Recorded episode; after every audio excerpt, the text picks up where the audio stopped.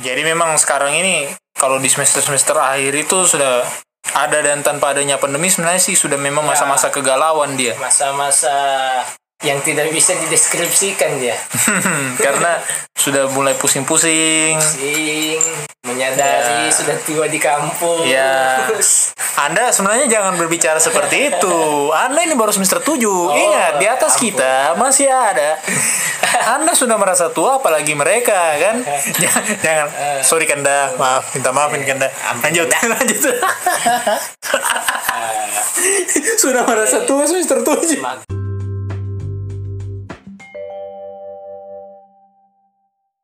Ya, sejauh ini menurutmu bagaimana elektro ini? Perasaanmu kuliah di elektro ini bagaimana? Awalnya memilih elektro ini alasannya apa? Apakah prospek atau ada hal lain? Eh, saya kalau alasan memang tertarik di bidang elektronika sejak kecil, Nah, sejak kecil. ya. Apa dari hal-hal simpel saja. Pemain Tamiya Dinamo, Nah, motor Tamiya dikasih baterai, Iya. taruh baling-baling itu. Aduh, berasa jadi profesor. Artinya apa ya? Tertarik, hobi, hobi salah satu memang hobi Hmm. di bidang apa ya elektronika terlepas dari prospek dan lain-lainnya hmm. Eh, menurut saya kalau untuk kuliah di elektro ya ada satu sebenarnya bukan kendala ini sebenarnya tantangan Hmm. sebenarnya Ya, perkembangan di bidang eh misalnya saya kan saya mengambil eh, konsentrasi itu elektronika ya, ya perkembangan di bidang elektronika itu pesat sekali ya. terkadang apa yang kita dapatkan di bangku kuliah itu sudah tertinggal sampai Ah, setahun dua tahun tiga tahun dan bahkan iya, mungkin iya, satu iya. dekade Sepakat, sepakat, sepakat. itu itu salah satu sih. apa ya tantangan sebenarnya kalau kita mau berpikir bahwa itu hal yang positif itu tantangan sebenarnya bagaimana kita mengejar ketertinggalan tersebut Iya, berarti motivasi awalnya masuk elektro ini karena anu ya, karena memang suka dengan ya elektronika. tertarik lah istilahnya Kau lolos jalur apa? kalau saya jalur SNMPTN Bodoh. Berarti ini nilai rapor tinggi nih. Nah, kan? Kalau saya lu SB. Jalur undangan yo Iya, saya dulu SB baru lulus. Kalau SBMPTN kau pilih jurusan apa semua lalu? Eh, ada dua pilihan pertama elektro kedua informatika Nah, dia. Kenapa kalau ah, saya saya pribadi nih agak bingung ini tuh. Seri, nanti kita masuk kembali ke elektro. Cuma saya kayak mau eh ke dari bagaimana kita sampai pilih jurusan ini dulu. masuk ke- Nah, jadi kenapa kau pilih itu ada informatika ada elektro? ah Kenapa? Karena kalau saya nih, saya waktu itu pilihnya semua elektro. Oh, oke oke oke oke. Iya. Saya ada dua kan. Infor- Elektro pilihan pertama, informatika pilihan kedua.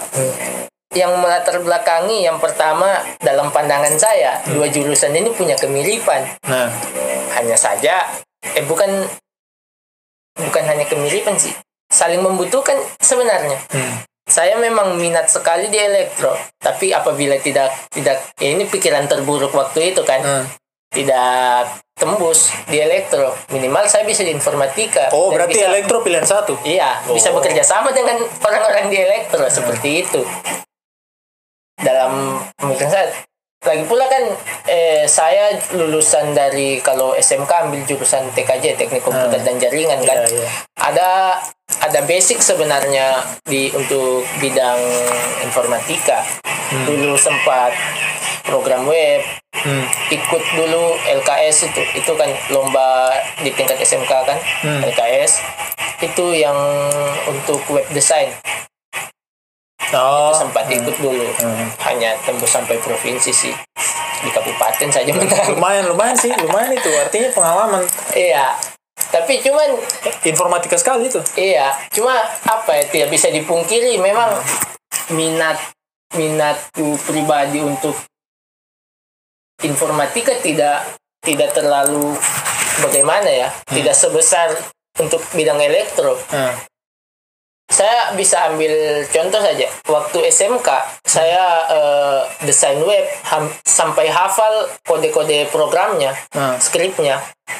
Sekarang saya lupa semua itu. Jangankan sekarang waktu masuk kuliah semester 1 2 itu saya sudah lupa sudah. Apa ya? Memang kalau dia dibarengi dengan minat dan hobi lah istilahnya. Nah, mengakar kuat itu di Iya. kepala apa yang dipelajari. Sepakat sih sepakat. Saya sempat buat drone drone yang itu yang putih. Nah, ah itu saya rakit waktu SMK kelas 3 sampai sekarang saya masih hafal itu. Sebenarnya bukan bagaimana sekali sih.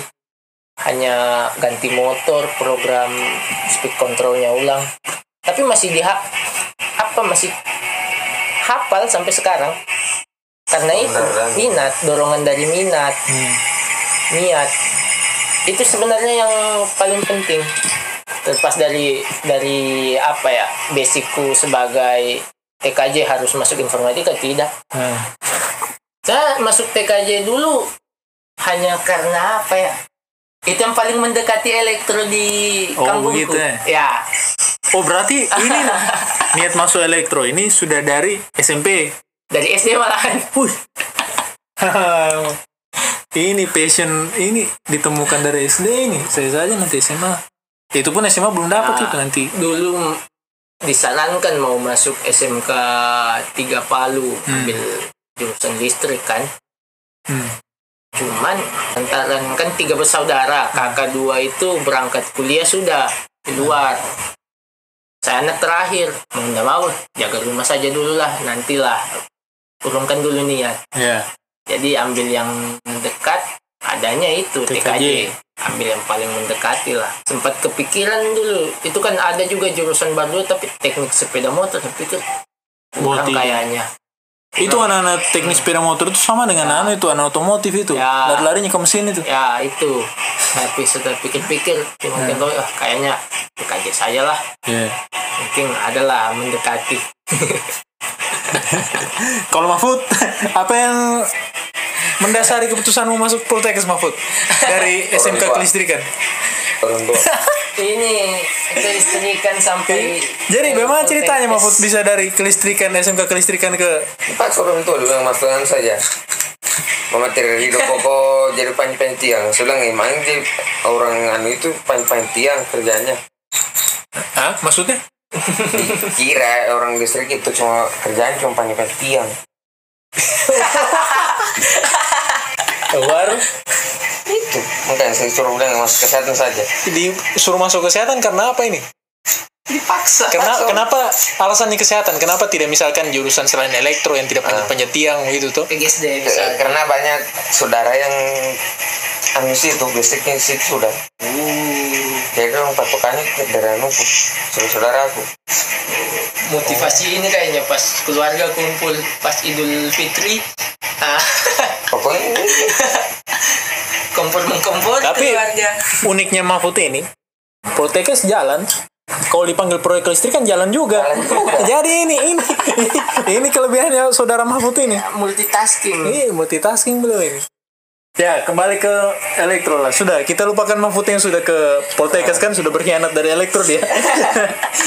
kita kembali kembali ke elek ke elektro ini. Khususnya elektro untat. Nah, misal menarik Nah, ini dalam dalam artian nih asumsi saya nih yang mendengar ini calon-calon mahasiswa elektro untat. ya Nah, jadi bagaimana rasanya pertama kali masuk di elektro untat atau tahu kalau kau lulus di elektro untat begitu?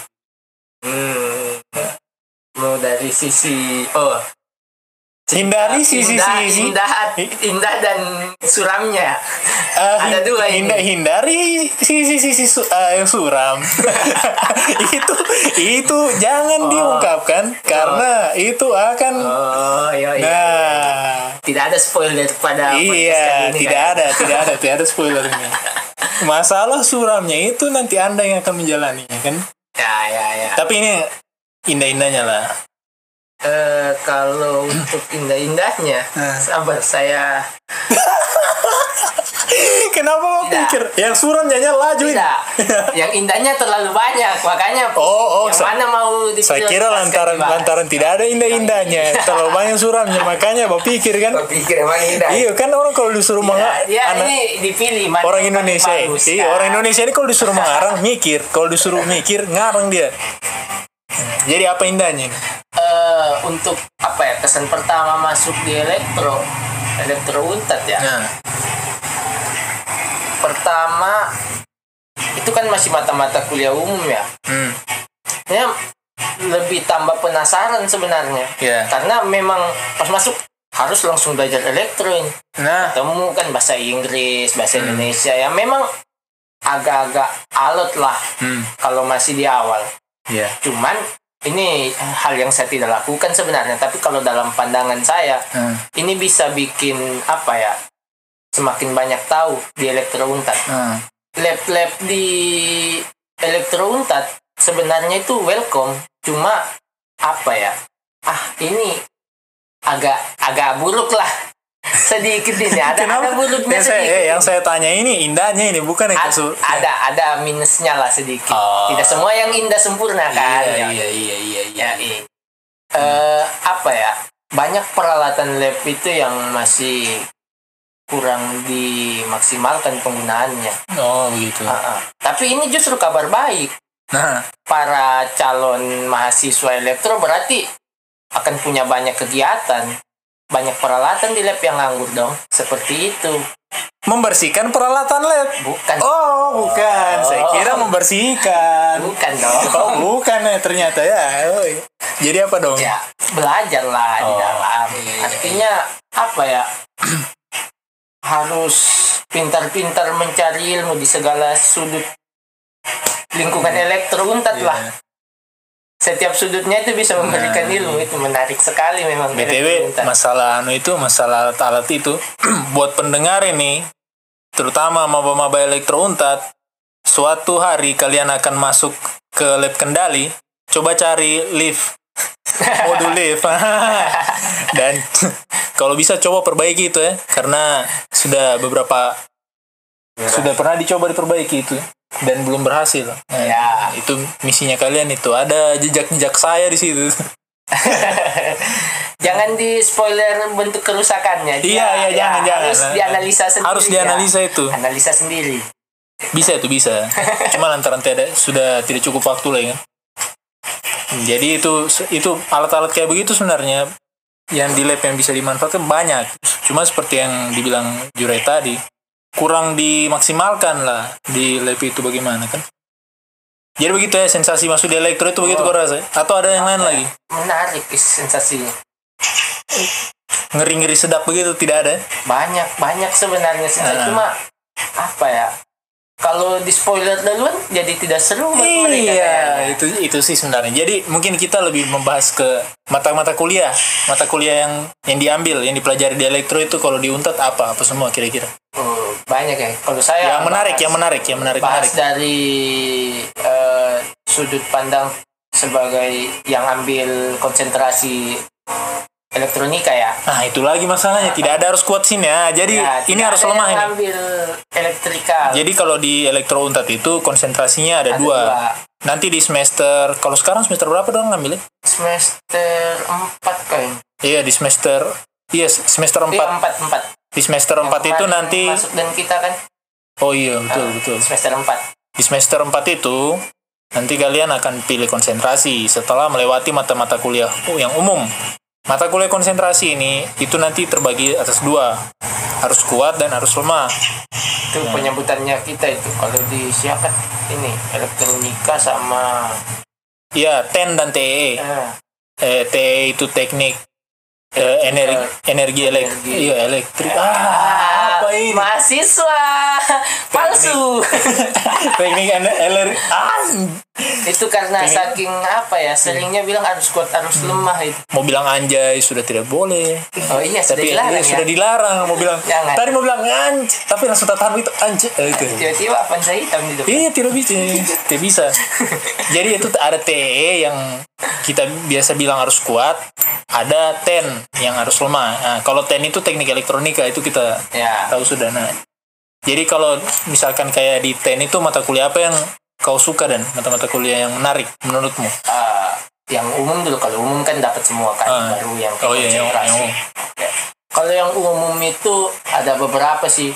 Yang pertama itu dasar elektronika. Hmm. itu menarik sekali. Itu bagi apa ya orang-orang yang sebelumnya memang tidak mendapatkan dari sekolah Oh, menengah iya, atas, iya. SMA Iya, SMK iya. Saya SMA tapi ambil jurusan yang memang bukan eh, elektro Hmm.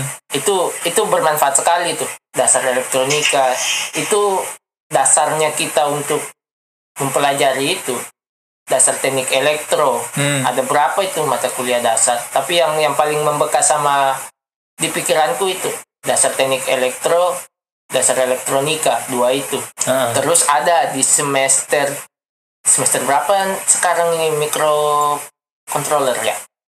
Itu mata kuliah itu juga menarik itu. Semester 3 kalau tidak salah. Karena masih di tiga ya? Belum dipindah?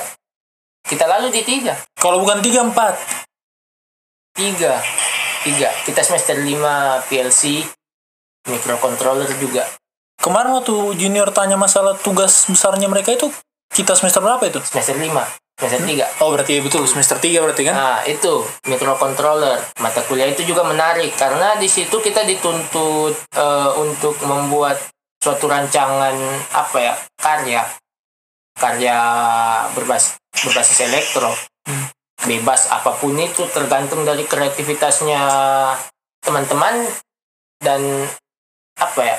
Menarik lah, asik dia. Kita memang dilatih untuk membuat langsung Ya. bukan hanya sekedar belajar teorinya seperti ini, teorinya seperti ini, tapi kita memang langsung praktek dan prakteknya tanpa bimbingan. Bukan, Ah. bukan bukan tanpa bimbingan istilahnya, misalnya kayak praktikum kan diawasi apa. Ya. Kita bebas di mana pun kita mau buat Ya. asik dia istilahnya. Jadi ini yang dimaksud ini tugas besar. Ya tugas besar. Tugas besar ini kalau bahasanya kita tugas besar. Kalau kemarin itu tugas besarmu apa judulnya? Eh CNC, Eh, CNC. CNC. Apa itu CNC? eh, computer numerical controller. Eh, dia alat untuk apa yang Eh, bahasa bahasa anunya lah bahasa yang apa umumnya ya? lah. Itu istilahnya apa ya? Alat yang eh, di dikontrol oleh komputer. Nah, ah, dan saya ambil kemarin CNC ini kan ada banyak. Hmm. saya ambil yang kemarin itu yang untuk eh, menulis. Hmm. jadi dia kita bisa input jadi ciri-ciri alatnya lah dulu. Ya. Dia itu menggunakan motor untuk menggerakkan pulpen. Pulpen itu akan digunakan untuk menulis. Hmm. Ya, jadi kita bisa meng-up- mengunggah gambar istilahnya kayak printer lah. Hmm.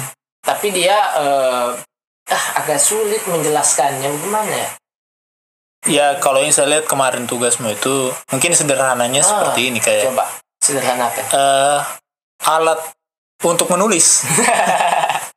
Mesin penulis Oh, otomatis. bisa dicek di ini. Instagram angkatan ada itu.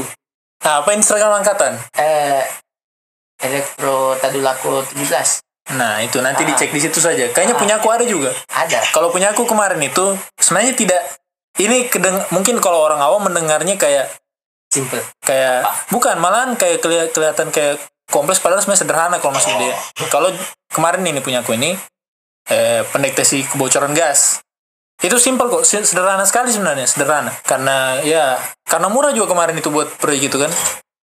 Cuma pakai jadi kalau di microcontroller itu nanti intinya kayak dasar-dasar pengendalian sama cara pakai-pakai sensor nanti kalau buat Ya. tugas besar pasti main-mainnya di sensor lah. Itu mata kuliah menarik. Ada juga yang sejenis itu PLC, PLC Nah, SCADA. PLC. Nah, Ah, itu pengontrolan juga itu. nah, Hanya saja dia memang langsung menggunakan eh, PLC, Programmable Logic Controller. nah. Itu satu tingkat di atas microcontroller yang kita gunakan di semester 3, mata kuliah semester 5.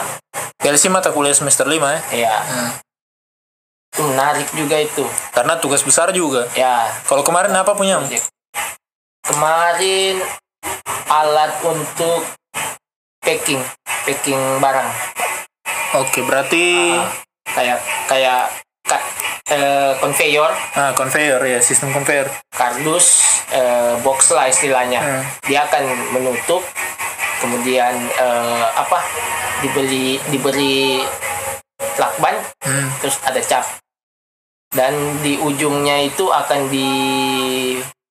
dipisahkan mana yang ada dua jenis box istilahnya dia tapi dalam satu jalur Hmm. produksi nah di ujung itu akan ada ini yang yang sortir lah isi- istilahnya. Hmm. box hitam atau box yang putih seperti itu. Simpelnya seperti itu.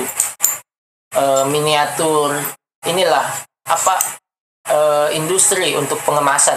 Selain PLC, apalagi mata kuliah yang menurutmu asik begitu dan? Kes- ada mata kuliah semester kemarin. Apa? kontrol power elektronik itu asik sekali itu. Luar biasa itu Iya ya, ya asik itu, asik ya asik itu. itu alasannya khusus Ah, itu ya alasannya khusus tidak bisa Mungkin- diungkapkan ya. itu, aduh susah menjelaskannya. Iya iya, asik bagi dia asik ya lah. bagi saya pribadi asik Iya. oke Bagi saya biasa saja, bagi dia asik. Ya. Kalau misal kayak kenda, kau rasa kuliah di elektro untat ini berat atau bagaimana? Apakah ada kendala-kendala selama kuliah? Eh, kalau dikatakan berat tidak sih. Cuma kalau kendala ya pasti ada. Artinya apa ya untat masih berbenah lah belum sempurna untat. Tidak bisa tidak bisa kita pungkiri. Jadi salah satu apa ya kendala ini ya mungkin fasilitas seperti yang saya bilang tadi kan salah satu tantangan belajar di elektro. Bisa jadi yang kita pelajari hari ini sudah ada versi terbarunya dan diciptakan hari ini juga. Ya, kan? Ya, artinya yang kita pelajari ini bisa saja sudah tertinggal. Tertinggal teknologi yang kita pelajari sudah tertinggal. Perkembangan di bidang elektro itu pesat sekali. Tidak apa ya akan susah untuk menyeimbangkan. Terlebih lagi kita diatur oleh kurikulum dan sudah jelas bahan ajarnya kan saya merasa ya, saya saya merasa kalau kalau kita mau jadi mau kuliah di elektro ini bukan cuma di untat sih menurutku Ya. elektro pada umumnya ini. ya atau bahkan teknik pada umumnya itu pemikiran kita harus progresif Ya. kita tidak bisa terpaku pada kurikulum karena nah karena ini sudah pernah diungkapkan sama eh, salah satu dosen ITB ini saya baca di Quora juga bahwa dia bilang lulusannya kita itu itu dicetak untuk belajar sebenarnya Ya. bukan untuk siap kerja ini ini Oh, sebuah iya ya, se- ya, ini dia paham, bilang paham, paham. untuk belajar lebih lebih lebih lanjut karena yang sebenarnya di kurikulum itu sebenarnya kayak cuma dasarnya saja Ya. jadi yang kayak apa yang sebenarnya terjadi di lapangan itu yang pengembangan yang sudah lebih jauh daripada dasar yang kita pelajari di kampus ini misal kalau kita belajar microcontroller paling kita mungkin kasih pelajari microcontroller visi yang lama ya Padahal sudah ada microcontroller yang lebih baru yang mungkin lebih ringkas dan lebih mudah penggunaannya dalam bentuk modul kayak Arduino kan. Cuman kita kalau di praktikum malahan masih dapat yang kayak pakai MTS toh, yang masih program pakai bahasa assembly. Itu susah sekali. Nanti nanti teman-teman bakal dapat itu. itu masih 4 bit tapi sudah jarang sih digunakan Iya, terlalu sedikit ini memorinya iya. Tapi saya memahami sih kenapa praktikum itu ada Karena itu karena dasar. Iya, dasar karena kita harus mengetahui dasarnya begitu. Ya itu sih. dan tadi itu itu sebenarnya kendala tapi dijadikan tantangan lah istilahnya Ya. jadi apa ya apa yang kita tidak dapat di dalam perkuliahan kita upayakan cari di luar seperti itu Ya. Memang pada dasarnya harus begitu sih. harus seperti itu sih sebenarnya Kalau ya, karena rasa ingin tahu itu harus Hmm. harus ada. Kalau tidak punya rasa ingin tahu ya ya begitu-begitu saja. Tidak akan ya. kita akan malah akan kehilangan esensi nanti itu ke esensinya. Kita belajar ini apa ya gitu. sepakat sepakat sepakat. Jadi artinya sebisa mungkin eh, buat dirinya kita itu menyesuaikan dengan perkembangan dunia elektro di luar. Hmm, seperti itu. Kita harus siap beradaptasi dengan itu hmm, bukan berarti karena kita tidak dapat di dalam kelas hmm. lantas kita bilang cuma segini yang kita dapat tidak terlalu berguna lah. Tidak bukan seperti itu. Justru karena kita belum mendapat apa yang bagaimana ya membahasakannya belum dapat yang sesuai keinginannya kita lah. Hmm. makanya berusaha terus cari di luar seperti itu Iya, eh, saya tangkap maksud ini Ah, sih. ah. Sebenarnya karena begini, saya kemarin itu sempat berpikir apakah saya harus kon- lebih memfokuskan pada satu keahlian ya karena ternyata konsentrasinya kita itu tidak terlalu sekonsentrasi yang kita pikir. ya Jadi tuh kalau di konsentrasi elektro itu sebenarnya lebih daripada harus lemah dan harus kuat karena di beberapa perguruan tinggi lain itu ada teknik kendali telekomunikasi. telekomunikasi. Masih ada teknik komputer juga. Ih, teknik komputer masih ada baru. Apalagi? Ya elektronika. Eh, harus kuat. Hmm, kayaknya meka mekatronika itu masuk di elektro atau di mesin mesin, kemarin? Ya. belum tahu ya. Ya tapi pada dasarnya sih saya kalau saya baru belajar kendali saja kendali itu sendiri itu luas di dalamnya. Ya. Kalau sama kita itu ha- hanya mata kuliah sistem kendali dan pengembangannya pemodelan dan segala macam. Cuman ternyata di sistem kendali itu lebih ilmunya itu lebih luas lagi. Bahkan bisa jadi konsentrasi sendiri. Yang artinya kalau misalkan saya mau mendalami sistem kendali saya tidak bisa harapkan kurikulum. Ya. Saya harus cari di luar. Gitu. Kayak sih begitu sih yang saya rasa itu apa ya sebenarnya berlaku ke semua sih bukan hanya kampus untat menurut saya ini. Iya berlaku Ya, berlaku semua. semua.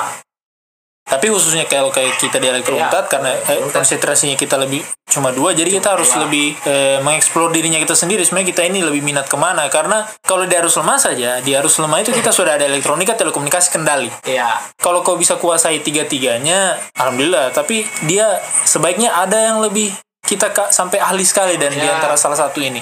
Entah di telekomunikasi kah atau di elektronika kalau dia harus kuat mungkin saya kurang tahu mungkin dorong kayak energi terbarukan smart grid. smart grid. Karena smart grid ya sih. ter- termasuk hal yang baru tuh. Cuma kurang terlalu apa ya kurang tahu saya kalau masalah harus kuat. Hmm, tidak ada anak harus kuat di sini soalnya belum datang anak harus kuat ini. Mana Arif ini? kakakmu mana Mahfud jalan ke jalan di ya, jalan masih Hmm. perjalanan semoga sampai dengan cepat Jadi itu sih. Nah, sekarang kan sudah semester 7 ini. ya Jadi bagaimana rasanya sudah? Apakah ngeri-ngeri sedap atau bagaimana? oke Eh, pertama untuk situasi dan kondisinya dulu. Hmm. kuliah serba online praktikum juga online. Eh apa ya? Kurang maksimal lah kalau dirasa kan. Hmm. kurang maksimal. Intinya ada nuansa-nuansa tersendiri kalau tatap muka langsung dengan dosen. Hmm. beda kalau via online. Itu. Apalagi praktikum. Hmm. Itu berpengaruh sekali kemudian untuk sekarang saya pribadi ke depannya mau KP dulu kerja praktek Hmm. Cuma ah, ini lagi kondisi pandemi ini banyak tempat-tempat yang menjadi sasaran saya untuk KP Hmm. tidak menerima mahasiswa. Contoh poso energi Hmm. Itu sudah tanya kemarin sama ini Axel Hmm. kan dia kerja di sana. Hmm. Nah, tanya ternyata tidak menerima mahasiswa dan kemungkinan sampai tahun depan ada beberapa tempat sih yang lainnya itu ada yang menggiurkan tapi harus ke luar pulau Sulawesi Hmm. Ah, ah. banyak lah banyak lah di Pulau Jawa banyak banyak tersebar tempat-tempat kafe.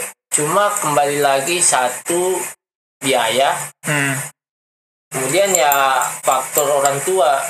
Kondisi pandemi seperti ini ya untuk saya untuk saya ya agak agak susah untuk pergi pergi jauh begitu.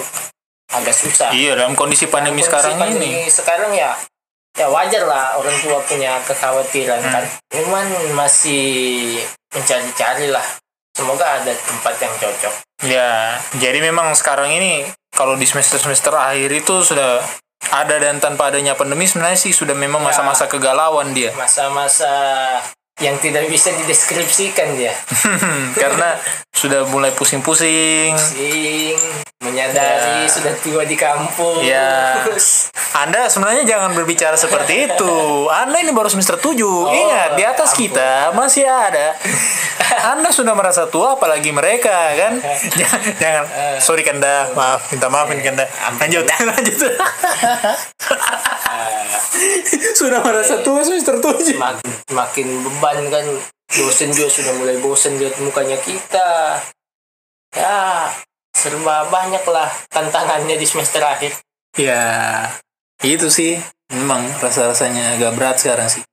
mereka ini yang mahasiswa baru ini besar kemungkinan merasakan dar, da, kuliah daring lah Wah. satu semester ini. Mungkin satu sampai dua semester kalau tahun depan masih Semoga tahun depan tidak lagi. ya Secepatnya lah kita doakan cepat Iya. pulih. karena justru di masih ketika jadi mahasiswa baru itu momen-momen yang momen-momen yang harusnya bisa beradaptasi dengan kampus Ya, apalagi kalau saya saya menganggap kan penting sekali masa-masa awal di kampus itu baik secara sosial maupun akademik karena ya. semester awal itu semua mata kuliah itu pondasi untuk ke atas Ah, ah. jadi kalau tidak di semester-semester awal itu sudah anjlok aduh susah mau di ke atasnya itu lebih berat lagi karena mata-mata kuliah yang bersangkutan juga yang muncul tapi dalam bentuk yang Ya. lebih lebih apa yang lebih sulit lagi jadi kalau bisa kalau bisa pokoknya di online ini kan dimaksimalkan lah meskipun Ya. daring jangan sampai terbawa suasana karena daring oh jadi bisa santai-santai oh jangan ya lebih baik dimaksimalkan lah. Jangan sampai jadi santai-santai. Karena ini mata kuliah pondasi. Pondasi awal supaya bisa lanjut di lebih di atas. Bisa lebih aman jadi kalau sudah aman di semester semester awal awal insya Allah semester semester atas aman lah. Kalau saya begitu sih. Jangan yang itu. Eh, Jangan sampai terbawa itu. Satu juga sih yang sebenarnya menjadi apa ya?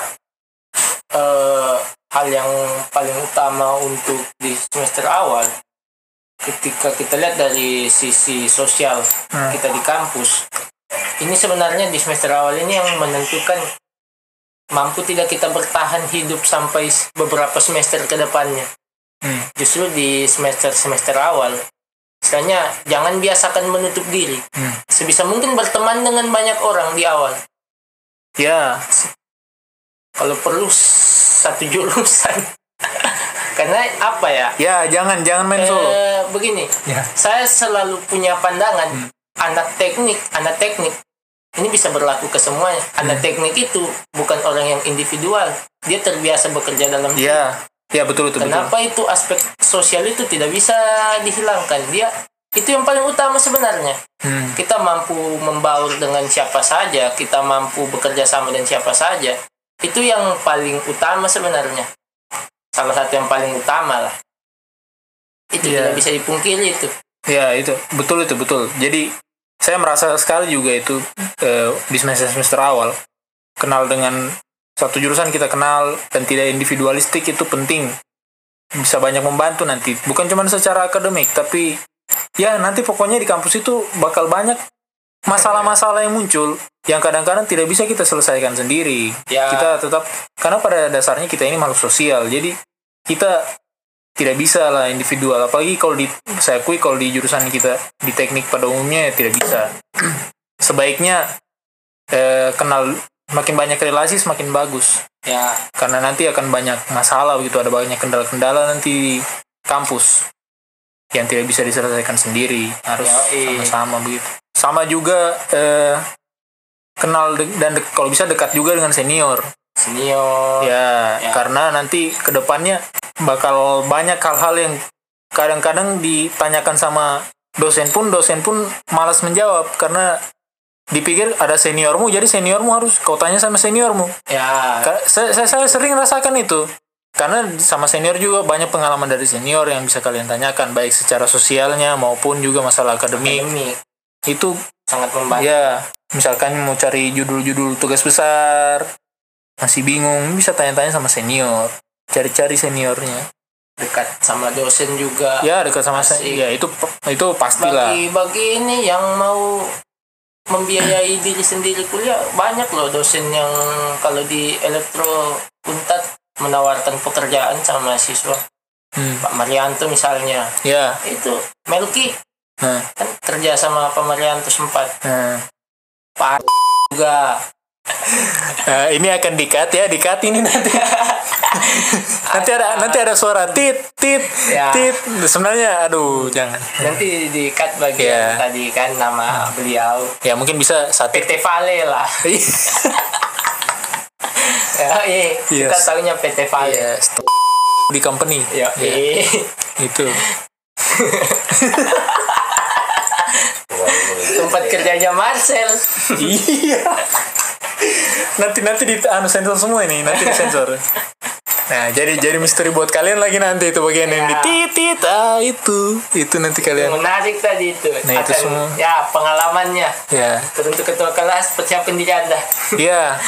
Ketua kelas persiapkan diri Anda akan ada masa-masa tidak- ada yang mau jadi ketua kelas nanti. Oh tidak, persiapkan diri ini kan bukan mengenai Oh, ya iya iya. se- semua itu dari dulu tidak ada yang mau jadi ketua kelas SMA itu semua berat jadi ketua kelas tapi tetap saja karena bakal ada suka dan dukanya ada juga wih serius banyak keuntungannya jadi ketua kelas Iya. banyak. dikenal dikenal dosen itu wih jadi karena sering kali banyak karena banyak ketua kelas yang nilainya wis ada nilai-nilai tambahnya tidak ada It- ketua kelas macam apa yang nilainya anjlok Ah.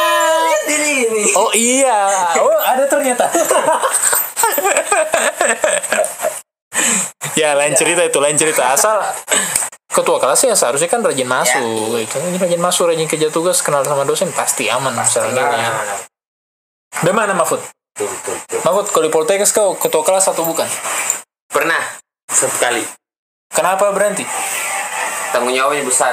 di kudeta. Reformasi. iya Dan tidak saya menjalaninya ya. ah Jadi jangan. oh, iya. lebih baik jangan ya jangan begitu Optimis lah, Bung. tidak bisa sih tidak bisa dilarang karena selalu ada orang-orang yang punya sifat kepemimpinan nanti itu Makanya saya bilang kalau tidak entah siap, karena dirinya sendiri mencalon ataupun ditolak kalau ditolak tidak siap Ya, ditolak aja susah itu. Yang dicalonkan itu yang bahaya. Eh, Saya pernah itu satu kelas memilih oh, bangsatnya. itu lalu dia siapa ketua kelasnya sini semua tangan mengacungkan kepada itu.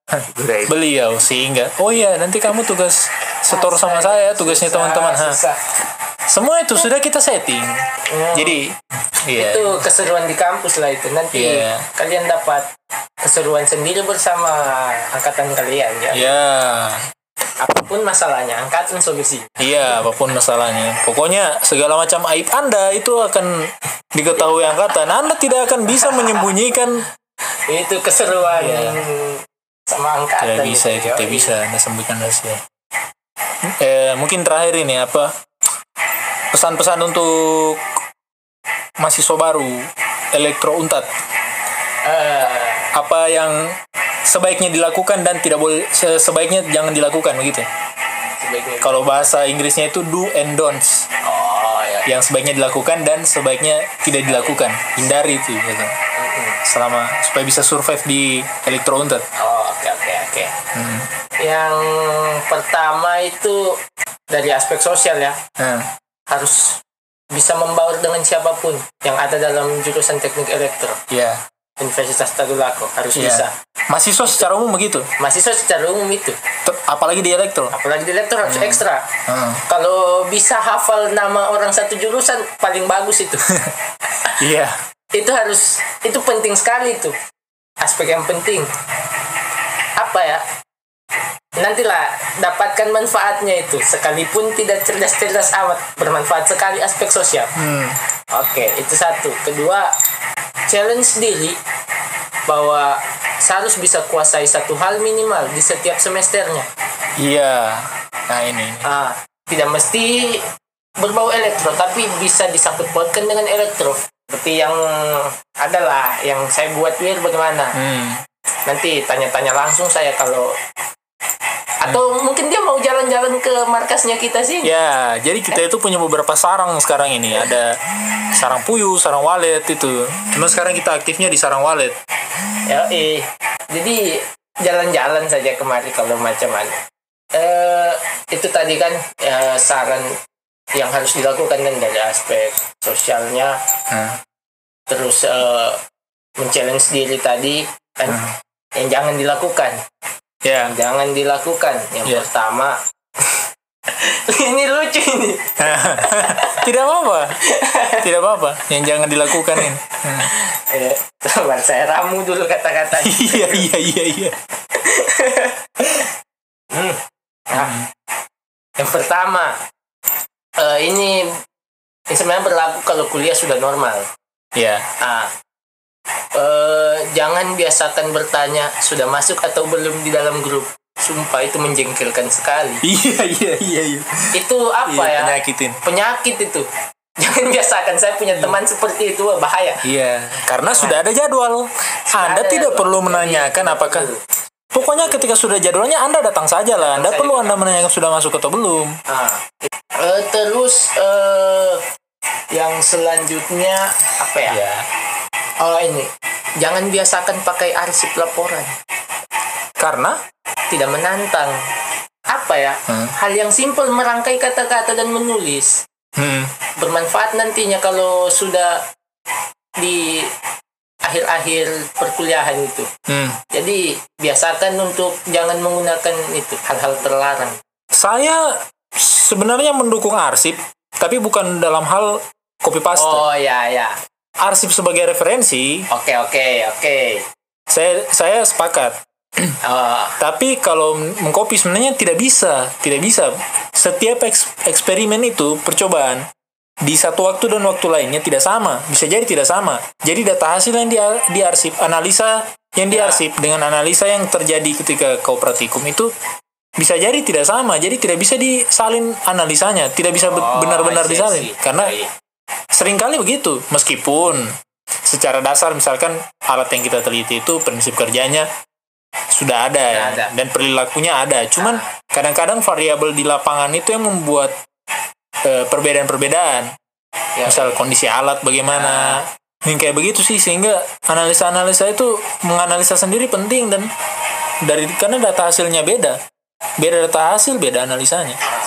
Gitu. Jadi Eh, sabar. Satu kelupaan tadi yang harus dilakukan hmm. berorganisasi di kampus. ya Nah, itu yang saya lupa. Astaga, itu yang saya jelaskan di awal tadi, aspek sosial. Ini yang paling membantu hal tersebut. Berorganisasi di kampus. Di Hmm. elektro kita ada himpunan mahasiswa elektro. Di dalam situ bisa ketemu dengan banyak orang senior-senior yang apa ya paham akan ilmu elektro, bisa bertanya-tanya, bisa sharing di dalam. Artinya di kampus sebisa mungkin usahakan untuk ambil ilmu dari sudut mana pun di elektro. Hmm, iya. Bahkan dari kantin pun bisa. Ya. Jadi apa ya? Beradaptasi dengan segala macam bentuk di dalam jurusan teknik elektro Unpad Ya. harus mampu. Ya, jadi kalau di eh, di kampus itu secara umumnya di masing-masing jurusan itu punya HMJ, Nah, himpunan mahasiswa jurusan. Kalau kayak di kita di elektro itu namanya himpunan mahasiswa elektro. Jadi eh, himpunan mahasiswa ini elektro ini yang yang bis- yang di dalamnya itu ya anak-anak elektro. Jadi dia eksklusif untuk anak-anak elektro untat. Ya apa lagi jadi? kalau dari saya itu saja sih. Sisanya ah, jangan spoiler lah. Ya. Biarkan rasakan sensasinya dulu. Saya tidak tidak dapat spoiler sama sekali. Iya kalau secara buta-buta tidak ada Iya. teman satu sekolah. Nah, jadi ini kita kasih kasih clue ini yang bisa membuat kalian bertahan hidup lah. Ya, eh, Kalau saya, kalau saya apa yang harus dilakukan, apa yang sebaiknya jangan dilakukan. Kalau yang saya yang harus dilakukan itu yang pertama, seperti yang saya bilang, eh, semester-semester awal itu mata kuliah fondasi fondasinya kalian yang bisa buat kalian survive ke depan itu, ya itu salah satunya seberapa bagus kalian di semester-semester awal. Jadi serius kuliah, jangan malas-malasan, jangan terbawa terbawa suasana Ya. terlalu anu senang ada adaptasi sehingga terbawa. Yang malah yang seharusnya kalian fokus pikirkan yaitu adaptasi itu sebenarnya adalah seberapa cepat teman-teman mampu mengikuti alurnya kuliah termasuk secara akademik. Itu termasuk mata kuliah yang teman-teman jalani. Jangan jadi jangan adaptasi itu bukan cuma mengenai lingkungannya juga. Ya. Bukan cuma masalah teman-teman bisa cepat kenal eh, itu meskipun penting teman-teman punya relasi tapi jangan lupakan juga bahwa adaptasi itu mengenai mata kuliahnya juga. Kalau teman-teman sudah bagus di semester awal ya insya Allah semester atas kalau teman-teman konsisten lancar. Tapi kalau di, awal teman-teman sudah eh, malas-malasan nilai yang keluar nanti eh, rendah nah itu bakalan efeknya terasa juga nanti di makin naik semester begitu. Ya istilahnya kan memperbanyak teman yang untuk saling mengajak ya itulah. menyelesaikan studi Hmm. kan pada akhirnya harus seperti itu bukan saling mengajak untuk ayolah error sudahlah dulu masuk. Hmm. ya jangan. Seperti itu negatif. Ya. perbanyak relasi ya saling mengajak lah. Kalau ada teman yang istilahnya apa ya macam malas masuk ya coba didatangi panggil misalkan karena apa ya kembali lagi seperti tadi tidak hidup sendiri kita di kampus Ya, mungkin kalau sekarang tidak tahu medan medan tempurnya di akademik itu seperti apa supaya tahu itu ulik mata kuliah mata kuliahnya. Jadi itu sudah bisa lihat eh, silabus mata kuliah itu di eh, kalau kemarin saya dapat itu di situsnya Elektro Untat. ya Ada, bisa juga minta sama senior. Sama saya juga boleh, sama Juret juga boleh. Ada, bisa apa? Kalau di Spotify tidak ada fitur ini sih. Sama food Nanti nanti di deskripsi saya kasih eh, alamat yang bisa kalian kalau mau tanya-tanya masalah mata kuliah. email saja Email boleh, email. boleh. Ya. Nanti kita kasihkan email. Jadi kalau saya dulu waktu mau masuk itu sebelum menginjakan kaki di untat sekalipun bahkan saya sudah lihat-lihat itu maka- mata kuliah apa yang saya mau eh, program pertama kali semester 1 semester 2 jadi saya sudah tahu bahkan saya sudah pelajari materi-materinya ini penting juga supaya tidak kaget tidak kaget karena dia itu jalannya mata kuliah itu cepat menurut saya. Cepat jalannya cepat jadi cepat eh, stepnya itu cepat. Tidak tidak pelan. Temponya tidak pelan temponya itu cepat. Jadi kalau teman-teman tipikal orang yang adaptasinya terhadap mata kuliah apalagi yang hitung-hitungan ini biasanya adaptasinya agak lambat dalam hitungan minggu butuh butuh bulan tapi mata kuliah itu jalan temponya minggu jadi set, Ya. minggu minggu berikutnya itu sudah materi yang lain lagi nah kalau teman-teman tidak bisa follow up. Nah, jadi caranya itu adalah istilah saya curi start. Jadi eh, curi start maksudnya sebelum kuliah itu sudah mulai dipelajari materi-materi itu, materi-materi untuk semester 1. ya Jadi teman-teman tidak ketinggalan begitu. Tinggal menyesuaikan. Jadi saya waktu semester 1 itu tinggal bah tinggal saya itu dalam pikiran saya, oh, yang saya pelajari kemarin nih. Oh, jadi makanya enak saya jalannya. Lancar-lancar di semester 1. Yang tidak boleh dilakukan ya jelas pertama malas. yang kedua individualistik. Itu tidak bisa meskipun eh, Cerdas, cerdas secerdas sece- apa pun. secerdas apa pun jangan jangan jangan Janganlah. jangan karena ini di kampus ini waduh memang dasarnya kita makhluk sosial. Itu bukan bukan hanya itu dasar. Kalau spesifik ke tekniknya orang teknik tidak individualis. Iya karena di, butuh tim. Iya butuh tim. Jadi kerja tim itu di teknik itu adalah hal yang yang biasa. Tidak tidak ada dalam satu proyek kalian kerjanya sendiri. Di mata kuliah yang tugas besar seperti itu kadang-kadang kita mencari idenya kita harus kumpul dulu saling bersepakat ide apa yang kita ambil. Ya. kalau anda sikapnya individualistik wah dan anda bahkan tidak bisa mentoleransi eh, pendapat orang lain. Ya itu bahaya itu. Bisa bisa keles dengan teman sendiri. Makanya itu penting itu. Jangan jangan individualistik lah. Belajar bersosialisasi. Karena di teknik itu kerja tim itu sudah kebiasaannya begitu. Sebaiknya jangan dilakukan itu menunda-nunda. Menurutku menunda-nunda ya. Meskipun banyak kali kita ini selamat ker- meskipun kita menunda-nunda yang kerja hamin satu tapi masih selamat juga tapi sebaiknya jangan. Eh, sebaiknya jangan sih. Jangan menunda-nunda karena kadangkala kita ketika kita dikasih tugas hari ini kita pikir oh iya masih ada hari esok. Ternyata hari esok ada tugas lagi. Kalau masih di awal-awal masih fresh masih fresh. Biasa kalau saya masih fresh dulu saya begitu dikasih tugas saya langsung kerjakan. Oke oke. Itu biasa penyakit-penyakit menunda itu saya baru alami pas pas sudah jalan semester-semester atas sudah Oh. sudah suka eh senang terhasut kan iya mulai sifat saya kan Ya, bukan sifat Anda, sifat angkatan. Bukan. jadi angkatan itu senang menunda-nunda. Iya, jadi jangan jadi benalu. Waduh, itu bahaya itu jadi benalu itu di angkatan itu. Ah, Kalau satu angkatan benalu, siapa yang mau dijadikan apa harapan kalian ini makanya. Jadi jangan suka menunda-nunda. Kalau ada dikasih tugas, men- mending dikerjakan. Jangan berpikir seakan-akan waktu besok ada kesempatan. Karena bias, bisa jadi mata kuliah selanjutnya itu ada tugas lagi dikasih. ya Jadi satu minggu itu menumpuk semua tugas kalian, habislah kalian kan. Apalagi kayaknya kayaknya itu sih. Kalau yang tambah lagi kayaknya yang harus dilakukan itu planning, ya perencanaan menyusun perencanaan. Eh, tetapkan tujuan di awal gitu. Tujuan akhir itu di awal. Maksudnya adalah misal saya mau ya pikiran saya saya mau selesai dalam berapa semester. Bahkan dibuat lebih rinci lagi. Saya mau selesai dalam semester, maka dari itu langkahnya seperti ini.